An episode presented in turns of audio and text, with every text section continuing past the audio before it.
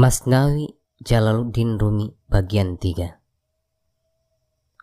Pertemuan Raja dan Tabib yang datang dalam mimpi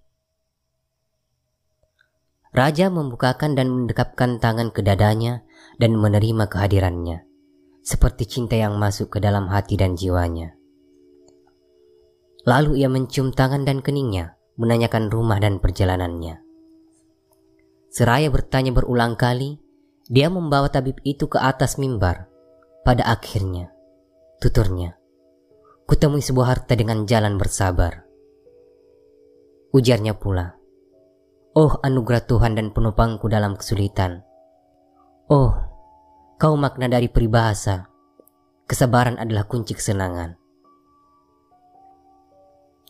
Wajahmu adalah jawab bagi setiap soal. Karenamu, kancing yang sukar dibuka ini terlepas tanpa banyak kata.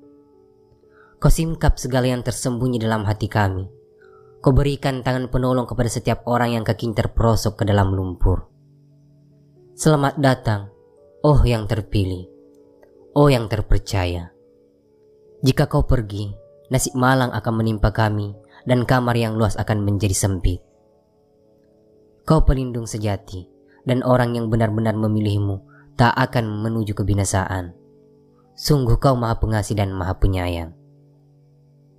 Raja membawa tabib ke tempat tidur si gadis yang sakit. Ketika pertemuan dan perjamuan rohani itu telah usai, Raja memegang tangan tabib itu dan kemudian menuntunnya menuju tempat tidur gadis itu. Kisah tentang penyakit dan sakit gadis itu dipaparkan. Kemudian, tabib itu diminta duduk di sebelah si gadis. Tabib memeriksa rona wajah gadis itu, denyut nadinya, dan meneliti air kencingnya. Dengan seksama, ia dengarkan keterangan tentang gejala-gejala yang dialami dan sebab-sebab tambahan dari sakitnya. Raja berkata, obat yang diberikan tak dapat menyembuhkan sakit gadis ini. Tabib-tabib itu palsu dan hanya mendatangkan kerusakan. Mereka tidak mengerti masalah kesehatan rohani. Yang kucari ialah perlindungan Tuhan dari segala akibat buruk tindakan mereka. Tabib itu tahu sumber sakit gadis itu dan rahasianya mulai tersingkap. Namun dia sembunyikan dan tidak mengatakannya secara terbuka kepada raja. Sakitnya bukan disebabkan empedu kuning atau hitam. Bau setiap kayu bakar senantiasa tercium melalui asapnya. Dari dukanya yang memilukan, dia tahu bahwa gadis itu sakit hati. Keadaan tubuhnya baik, namun hatinya tertekan. Cinta yang mendera dirinya tampak pada hatinya yang sakit. Tiada sakit yang begitu parah seperti halnya sakit hati. Derita seorang pecinta tidak sama dengan derita lain. Cinta adalah sarana penyingkapan rahasia ketuhanan. Dari delapan penjuru bumi ataupun langit asalnya, cinta sajalah yang dapat membawa kita mencapai rahasia Tuhan. Kata-kata apa pun yang kau ucapkan tentang cinta, dengan uraian atau penjelasan, jika kepada cinta sendiri aku datang, maka aku akan malu atas urian itu. Walaupun syara yang disusun lidah dapat menerangkan, namun cinta yang tidak berlidah lebih terang penjelasannya. Akal tak mampu menguraikan cinta, seperti keledai dalam lumpur. Cinta sendiri yang dapat menguraikan cinta dan kecintaan seterang-terangnya. Bayang-bayang hanya memberi alamat, matahari sendiri yang setiap saat memancarkan cahaya rohani. Bayang-bayang adalah percakapan di malam hari yang membuatmu tidur lelap. Namun apabila matahari terbit, maka bulan akan terbelah dua. Tidak ada di dunia ini yang begitu mempesona seperti matahari. Namun matahari roh kekal, ia tak kenal hari kemarin. Walaupun matahari alam itu istimewa, namun masih ada yang menyamai.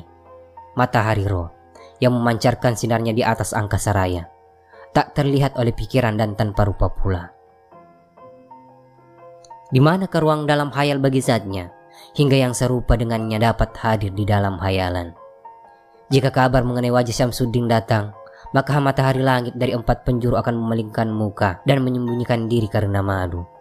Karena namanya telah menyentuh bibirku, didesaknya aku agar menguraikan tanda-tanda insaniahnya. Detik ini, jiwa menarik bajuku. Dia telah terjerat oleh wawangian pakaian Yusuf. Katanya, demi tahun-tahun persahabatan kita, ingatlah satu saja dari ratusan mabuk kepayangnya, yang manis itu. Dengan demikian, bumi dan langit bisa tertawa riang. Dengan demikian, akal, jiwa dan mata kian bertambah banyak berlipat ratusan. Ujarku, jangan bebani pundakku dengan kewajiban yang berat, sebab aku telah jauh, diriku kutinggalkan, pengertianku telah majal, tak tahu lagi menyampaikan puji-pujian. Segala yang terucap dari mulut orang yang tidak siuman, jika harus diucapkan atau menyombong secara berlebihan, tidak ada artinya sama sekali. Lantas bagaimana aku yang tak memiliki hati yang sadar harus menguraikan hal ihwal teman yang tak pernah memperlihatkan diri. Biarlah kita kesampingkan dulu uraian tentang perpisahan dalam darah kalbu ini. Kisahnya akan kami sampaikan lagi pada waktu yang lain. Dia berkata, Beri aku makan, sebab aku lapar. Jadikan aku jelang kencang, sebab waktu adalah pedang tajam yang terhunus. Seorang sufi adalah anak masa kini. Oh sahabatku, dia bukan aturan sebuah jalan yang berkata, besok saja. Apa benar kau seorang sufi, sehingga apa yang ada harus dikuras habis seraya menangguhkan bayarannya? Aku berkata kepadanya, sebaiknya rahasia sahabat disembunyikan. Sekarang dengar olehmu apa yang tertera dalam kandungan kisah. Rahasia pecinta lebih baik disampaikan melalui kisah orang lain. Katanya, katakan terus terang tanpa keraguan, jangan abaikan aku, wahai yang gemar berolok-olok. Angkat tabir dan katakan tanpa tedeng aling-aling. Sebab tak selekan pun kupakai jika aku tidur bersama dia yang maha terpuji. Ujarku. Jika tidak nampak telanjang di depan mata, tentu bekas dari keinginanmu tidak akan terdapat di dada dan pinggangmu. Mintalah apa saja yang kau inginkan, asalkan sesuai takaran. Seberkas jerami takkan dapat menopang gunung. Jika matahari, sumber terang dari dunia ini sedikit saja lebih mendekat ke bumi, semua pasti akan hangus terbakar. Jangan buru kesulitan, rasa takut dan pertumpahan darah, jangan sebut lagi matahari tabris. Rahasia ini tidak berupuk. Katakan dari awal, pergilah, unte permulaan kisah, jalin dengan bagian-bagian akhirnya. Sang Arif meminta raja menemani gadis itu. Orang Arif itu berkata, Ya raja, Kosongkan ruangan dalam istana. Jauhkan penduduk dan orang asing dari tempat ini. Jangan sampai ada orang satupun di ruangan ini melihat, sehingga aku dapat menanyakan beberapa perkara kepada gadis ini. Ruangan telah kosong, dan tidak seorang pun tinggal kecuali sang tabib dan gadis yang sakit itu. Dengan lembut, tabib berkata kepada si gadis, "Di manakah kota asalmu?" Aku ini memberi obat sesuai dengan tempat asal si sakit yang masing-masing berbeda. Dan di kota itu, siapa yang bergaul denganmu? Dengan siapa kau berkerabat dan bersaudara? Tabib meletakkan tangannya di atas nadi gadis itu dan mengajukan pertanyaan, satu demi satu tentang ketakadilan langit. Bila mana sepucuk duri menusuk kaki seseorang, maka orang itu akan meletakkan kakinya yang tertusuk di atas lututnya dan akan menjungkil pucuk dari duri itu dengan sebuah jarum. Dan jika ia menemukannya, maka ia akan membasahi tempat itu dengan ludahnya. Sepucuk duri di dalam kaki sulit ditemukan. Lantas bagaimana pula duri di dalam hati? Katakanlah, jika setiap orang bisa melihat duri dalam hatinya, kapan duka cita akan mengangkat tangannya lebih tinggi melebihi tangannya sendiri? Seseorang menempelkan duri di bawah ekor keledai. Keledai itu tidak tahu bagaimana mengambil duri itu. Dia mulai melompat-lompat. Dia melompat-lompat dan duri menusuknya semakin kuat dan dalam. Ia memerlukan seorang yang ahli untuk mencabut duri itu. Agar duri itu terlepas dari hati yang sakit dan pedih. Si keledai menyepak-nyepakkan kakinya dan mengamuk ber di berbagai tempat. Namun tabib yang mencabut duri itu adalah seorang pakar yang piawai. Tangannya pindah dari bintik luka yang satu ke bintik luka yang lain, seraya memeriksa dengan teliti. Sang Arif kini meneliti siapa teman-teman gadis itu dengan jalan menyampaikan berbagai cerita yang menarik. Dan gadis itu menyingkap lingkungan di sekitar rumahnya dan majikan-majikannya terdahulu, serta penduduk kota kelahirannya yang dikenalnya. Dia mendengarkan kisahnya sementara terus mengamati nadi dan denyut jantungnya. Jika ada nama yang membuat jantungnya berdebar-debar, maka tahulah siapa sasaran kerinduan jiwanya di dunia. Sang tabib menghitung jumlah teman gadis itu di kota kelahirannya. Kemudian gadis itu menyebut kota lain dan sebuah nama.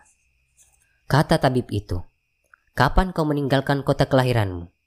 Di kota mana paling lama kau tinggal?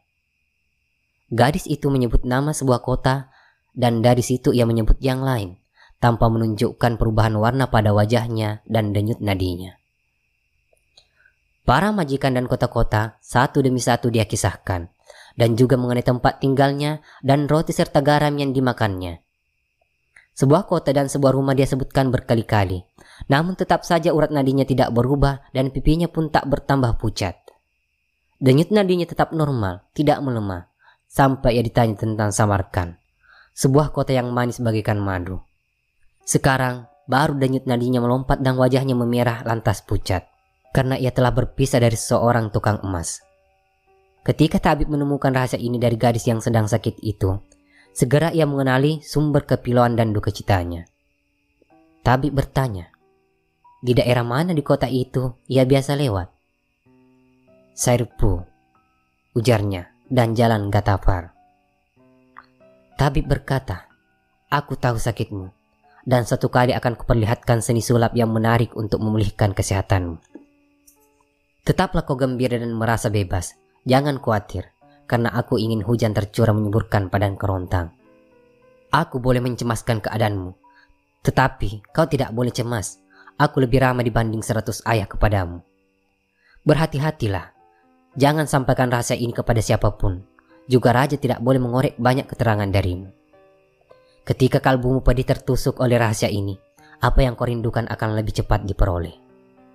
Nabi bersabda, siapa pun yang menyembunyikan niatnya keinginannya akan segera tercapai. Jika benih disembunyikan di dalam bumi, rahasia terpendamnya akan menjelma kehijauan taman. Jika emas dan perak tak disembunyikan di dalam tanah, bagaimana orang bisa memperoleh nafkah di daerah pertambangan? Janji dan kata-kata lembut sang tabib membuat gadis itu tidak merasa takut sedikit pun. Janji yang tulus dapat menenteramkan hati. Janji palsu membuat hati gelisah. Bersambung.